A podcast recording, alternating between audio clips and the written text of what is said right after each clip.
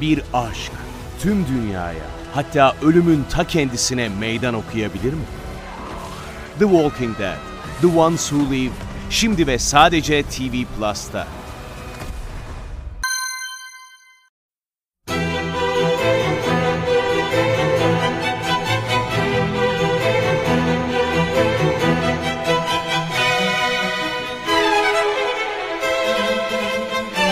Herkese merhaba, Sinematris'te Görkem'le birliktesiniz. Bu haftaki programımızda David Cronenberg ve onun son filmi Crimes of Future'dan bahsedeceğiz. Çok önemli bir yönetmen David Cronenberg, sinema tarihinin şahsine münhasır, kendine has bir alanı olan, kendine has bir türü olan yönetmenlerinden, nadir yönetmenlerinden diyelim bir tanesi. Ve onun son filmi Crimes of Future'da aslında yönetmenin 8 yıl sonra sinemaya döndüğü ve aslında onunla özdeşleştirdiğimiz sinemaya da 20 yıldan daha uzun bir süre sonra dönüş yaptığı film olduğu için gerçekten çok önemli ve ne yazık ki Crimes of Future filmi ülkemizde sinemalarda gösterime girmedi. Dijital platformlarda sinema severler bu filmle buluşabildiler. Ne yazık ki diyorum çünkü tabii ki çok üzücü bir durum bu. Ancak David Cronenberg gerçekten gişeyle geçmişten beri pek de iyi ilişkileri olmamış bir yönetmen olduğu için aslında bu durumda bizi çok da şaşırtmadı. Ancak her şekilde tabii ki David Cronenberg'le tekrar Crimes of Future filmiyle buluşabildiğimiz için de yönetmenin severleri olarak gayet mutlu olduğumuzu söyleyebiliriz. Şimdi filmden bahsedeceğim ancak hemen her programda yaptığım gibi tabii ki bir filmden bahsederken hem o filmin türünden, yönetmeninden, işte sinema tarihindeki yerinden, konumundan da bahsetmeye çalışıyorum bildiğiniz gibi. Bu programda da öyle yapacağım ancak şöyle bir durum var ki David Cronenberg'in sinemasından bahsederken aslında gerçekten Crimes of Future filmini de eksiksizce anlatmış ve özetlemiş olacağım. Ondan dolayı David Cronenberg'ten uzun uzun böyle doya doya bahsetmek istiyorum. Zaten bunu yaparken de David Cronenberg'in kariyerinin ilerleyişinden de filmlerinden de genel temalarından da bahsetmiş olacağım. Şimdi David Cronenberg aslında bayağı olgun artık bayağı yaşlı bir sinemacı 1943 doğumlu. Neredeyse 80 yaşına gelmiş bir sinemacı ancak buna rağmen rağmen Crimes of Future'da ne kadar genç, ne kadar dinamik ve ne kadar üretken bir zihin olduğunu bize tekrar göstermiş oldu. Şimdi David Cronenberg deyince akla genellikle literatüre body horror olarak geçmiş olan alt tür giriyor. Bu nasıl bir tür?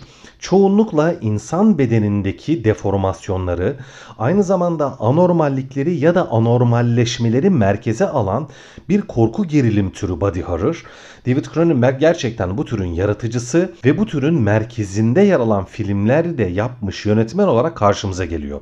Peki David Cronenberg neden bunu yapıyor? Sapıklık olsun, torba da olsun diye yapmıyor elbette. David Cronenberg'in hemen hemen bütün filmlerinde karşımıza gelen bu bedensel anormallikler ve deformasyonlar her zaman gelecekle ilgili ya da insan hayatı, dünya için önem arz eden çok sayıda konuyla ilgili bir fikir yürütme ve felsefi açılımlar yapma amacıyla karşımıza gelmiştir.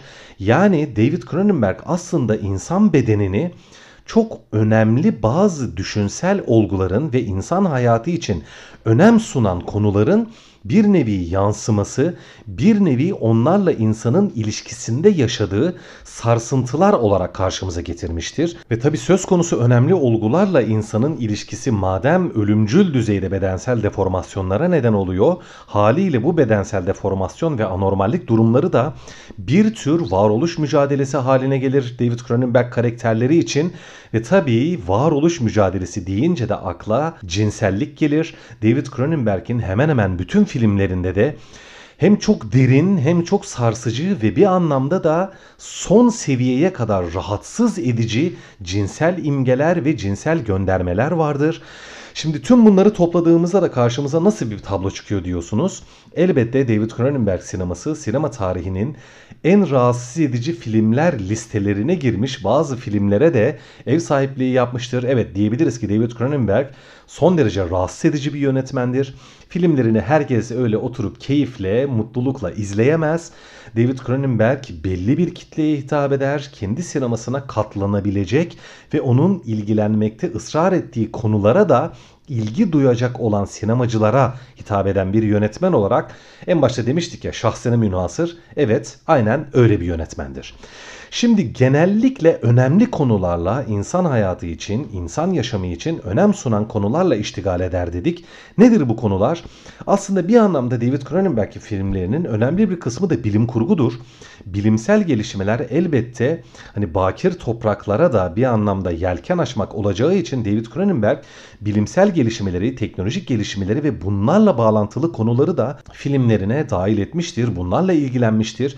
Video oyunları, ekran bağımlılığı, teknolojik gelişmeler, teknolojik deneyler hep zaten tedirgin edici alanlar olduğu için David Cronenberg bunları bol bol kullanmıştır. Ve tabii ki yolunda gitmeyen deneyler mesela değil mi? Bilim kurgunun en çok ilgilendiği konulardan bir tanesi olarak David Cronenberg filmlerinde sık sık karşımıza gelir. Şimdi madem böyle David Cronenberg olağanüstü bir yönetmen olsa gerek değil mi? Evet elbette öyle ancak daha çok fark ettiyseniz temalardan, konulardan ve ilgilendiği temel meselelerden bahsettim David Cronenberg'in. Çünkü bu açıdan son derece güçlü ve kendine has bir yönetmen olsa da sinematografik olarak aslında David Cronenberg'i sinema tarihinin en güçlü ve önemli yönetmenleri arasında anmakta biraz zorlanıyorum ki bu açıdan birçok sinema sever dostumla, sinema yazarı dostumla tartışmışımdır. Bence David Cronenberg her ne kadar tema olarak, konu olarak, ilgilendiği meseleler olarak son derece zengin bir yönetmen olsa da sinematografik olarak ne yazık ki o kadar zengin, o kadar da güçlü bir yönetmen değildir. Hele hele 2000'li yıllar sonrasında artık sinemanın nasıl bir hale geldiği, nasıl dönüşümler yaşadığı dikkate alınırsa David Cronenberg'in sinemasının ne yazık ki ilgilendiği konuların ölçeği ve gücü paralelinde yeterince güçlü, yeterince sarsıcı ve yeterince de zengin olduğunu düşünmüyorum ben şahsen. Çok sıra dışı, bambaşka, çok sarsıcı dünyalar inşa eder ancak filmlerinin süresi mesela gayet kısadır. Hani sanki inşa ettiği dünyaya şöyle bir uğrar, o dünyadan bize ilginç, sıra dışı, farklı bazı kareler verir, birkaç karakter tanıtır kısa ve sade bir öykü yazar. Yani kabaca diyebiliriz ki aslında inşa ettiği dünyaya uğrayıp geri çıkar. Ayrıca karakterleri de işlemek istediği konunun ve resmetmek istediği dünyanın bir temsilcisi konumundadır. Bir karakter sineması yapmaz David Cronenberg. Çoğunlukla senaryoları sadedir. Az miktarda ortam karşımıza gelir, az miktarda karakter karşımıza gelir, az miktarda eylem ve olay karşımıza gelir. David Cronenberg sineması çok geniş, çok güçlü, çok kendine has, çok sarsıcı, çok zengin dünyalar inşa etse de bu dünyanın ne yazık ki çok küçük bir kısmını sinemasallaştırarak izleyicisiyle buluşturur. O dedim ya hani son derece hani düşünsel bir sinema yapar aslında David Cronenberg. Ancak işin düşünsel kısmını gerçekten bizlere bırakır. Yani onu seven sinema severlere bırakır. Ben size hani böyle bir dünya sundum. Çok fazla incelemiyorum, çok fazla araştırmıyorum, çok fazla hani fikir jimnastiği yapmıyorum. Ben size sunayım, buyurun fikir jimnastiğini siz yapın der bir anlamda. Şimdi bu takdir edilecek bir şey de olabilir ancak neticede sinema ile bizim karşımıza getirdiği için bu dünyaları ister istemez sinemasal olarak da daha doyurucu, daha zengin, daha geniş bir sinemasal perspektif sunmasını bekliyoruz ondan. Ancak bunu da genellikle sinemasında yapmadı ve bugün de yapmıyor diyebiliriz. Hani bir anlamda David Cronenberg'in küçük bütçelerle çalışıyor olması da belki de buna sebebiyet veriyor olabilir. Bunu anlayabiliriz. Çünkü gerçekten hani yapmak istediği sinema çok ölçekli bir sinema olmaya çok müsait. Bambaşka bir dünya inşa ediyorsunuz. Gelecekte ve hatta zamansız. Evet bu arada bir parantez açayım. Filmlerinin büyük çoğunluğu zamansız filmlerdir. Yani zamansız derken ne demek? Gelecekte süre gider. Hatta belki geçmişte süre gider. Ancak hangi yılda süre gittiği tamamen belirsizdir. Gelecekte yani 10 yıl sonra mı, 50 yıl sonra mı, 100 yıl sonra mı bunu bilemeyiz. Son filmi de böyle zaten Crimes of Future'da böyle. Söz konusu zamansızlık ve aslında bir anlamda da gelecekte süre gidiyor olması filmin hani normal filmlere göre günümüzde süre giden filmlere göre daha geniş bir bütçe, daha fazla yapım tasarımı, daha fazla efekt vesaire teknik olanak gerektiriyor değil mi? Elbette. İşte David Cronenberg büyük bütçelerle çalışmadığı için belki de biraz hani benim isimlendirmemle biraz daha mütevazi, biraz daha hani kısıtlı bir sinema yapmak zorunda kalıyordur. Bunu tahmin edebiliyorum ki birçok röportajında da zaten bundan bahsediyor. Bağımsız bir, bağımsız bir sinema yapmak istediğinden bahsediyor. Ondan dolayıdır da belki de David Cronenberg'in sineması işlediği konular bağlamında görselliği de öyküleri bağlamında biraz fakir biraz kısıtlı kalıyor. Ve hemen hani şunu da eklemeden geçemeyeceğim öykülerine, temalarına, düşünsel hani o zenginliğine falan bakarak David Cronenberg'in sinemasına her zaman şunu söylemişimdir. Keşke David Cronenberg yazsa da başka bir yönetmen çekse diye düşünmüşümdür birçok kez. Çok da haklı bir şikayeti olmayabilir ancak gerçekten David Cronenberg'in sinematografisinin inşa ettiği dünyaların ve söz konusu metinlerinin gücünde olmadığını hep düşünmüşümdür. Ve buna ek olarak da David Cronenberg için hani madem bu kadar güçlü dünyalar inşa ediyor da onları yeterince güçlü bir sinematografiyle karşımıza getirmiyor. David Cronenberg roman yazmalı demiştim bir zamanlar uzun süre önce. Ve ben bunu söyledikten sonra kısa bir süre sonra David, David Cronenberg ilk romanı olan Tüketilmiş'i yazmıştı. Bunu görmek gerçekten benim hoşuma gitmişti. Çünkü David Cronenberg'in inşa ettiği dünyalar gerçekten belki de sinemadan çok edebiyatla inşa edilmeye daha uygun dünyalardır. Bilmiyorum aslında henüz romanı okumadım. Okumak istiyorum zaten Türkçeleştirildi ancak o zaman tekrar fikrimi sizinle paylaşmaya çalışırım.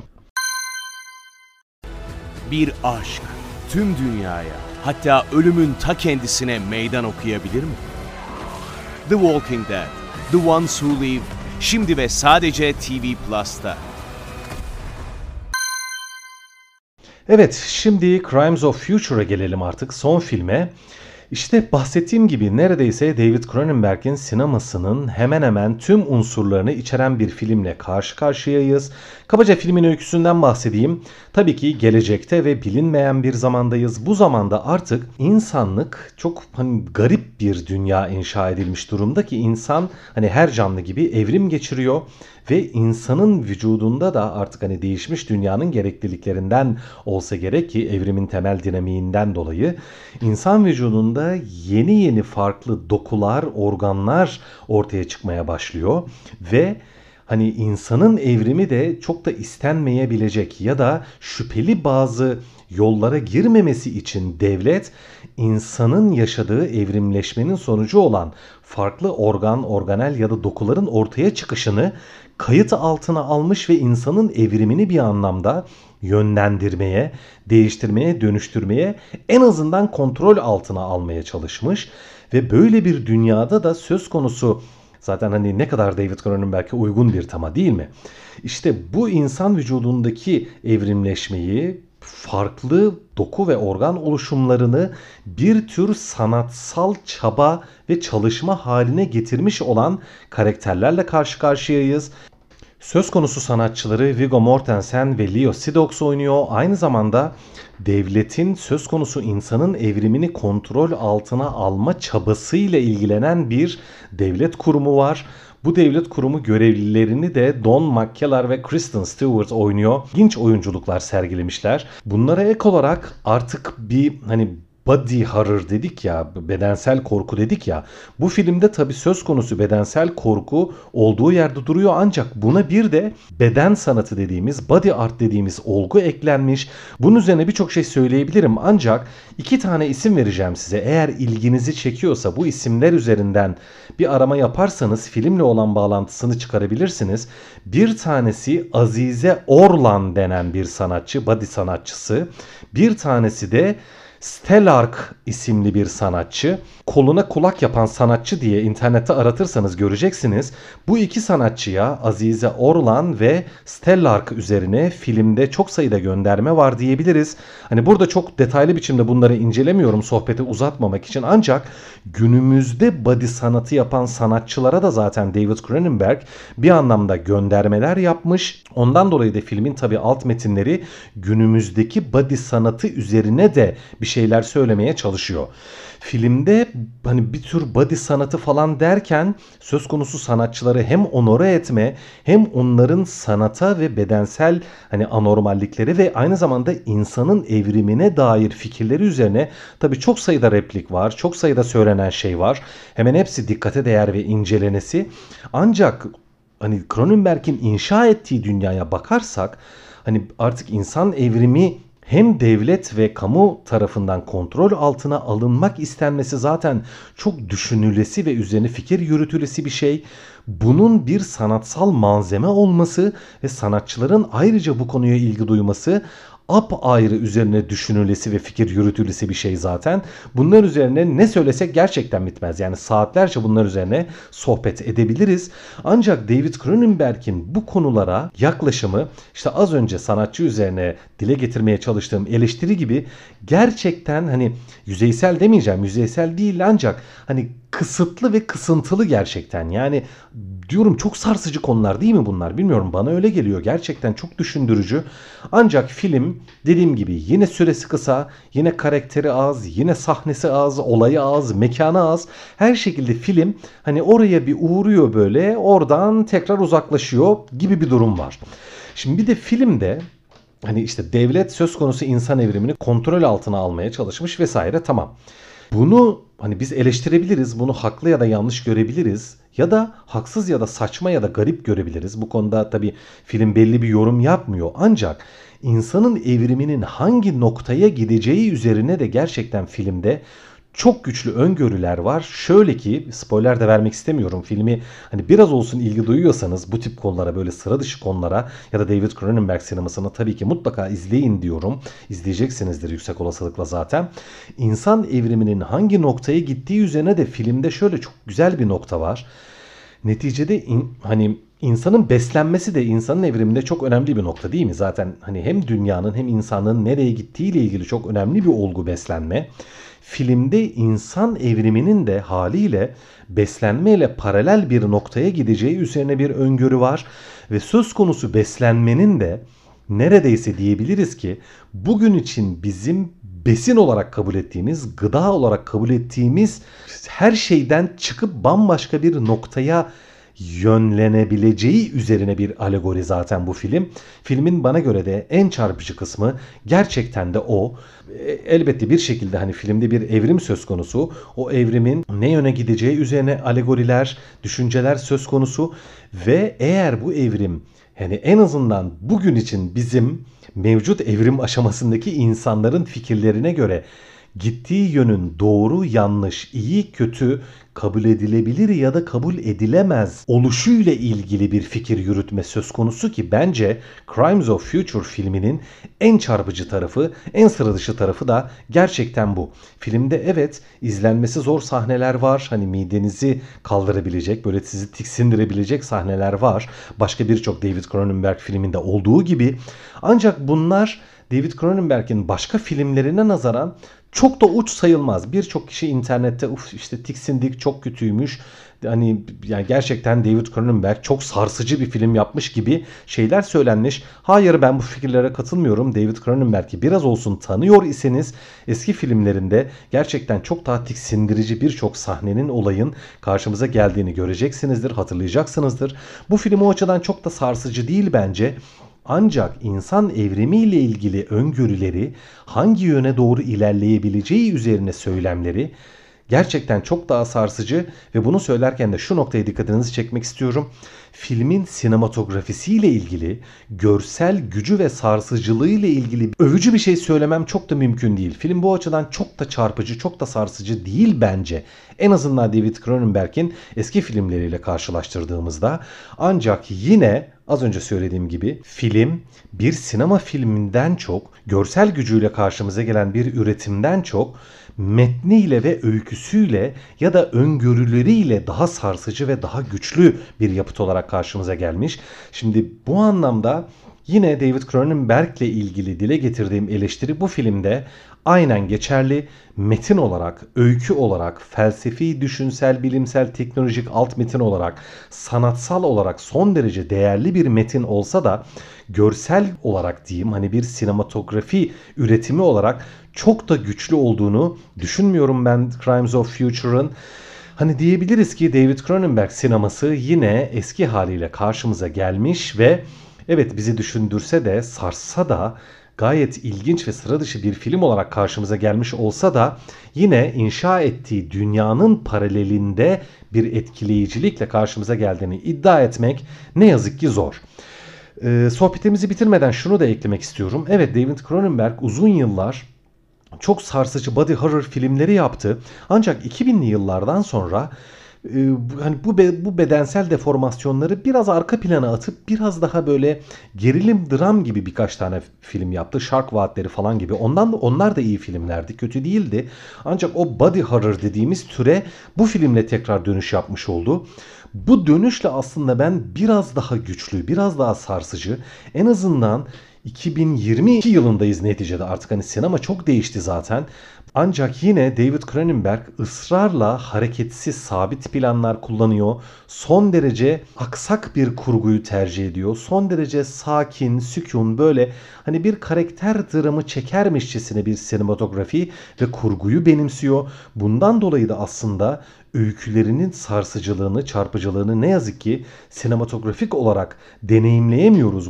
Ancak dediğim gibi bu üslubu da Cronenberg'in benimsediği bu sinemasal tarzı da seven, beğenen sinema severlerin olduğunu biliyorum. Burada da artık zevkler ve renkler söz konusu oluyor. Yönetmenin sinematografisini bu anlamda biraz fakir buluyorum ve aynı fakirliğin de ne yazık ki Crimes of Future filminde de aynı şekilde karşımıza geldiğini düşünüyorum. Hemen hemen bütün David Cronenberg filmlerindeki gibi hani karşımızdaki görsel temsilden çok o görsel temsilin işaret ettiği metni daha fazla dikkate alıp daha etkileyici bulduğumuz bir projeyle karşı karşıyayız diyorum.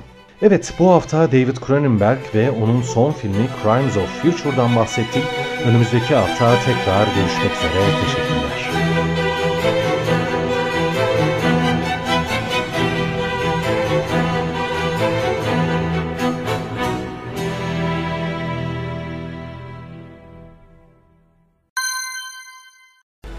Bir aşk tüm dünyaya hatta ölümün ta kendisine meydan okuyabilir mi? The Walking Dead, The Ones Who Live şimdi ve sadece TV Plus'ta.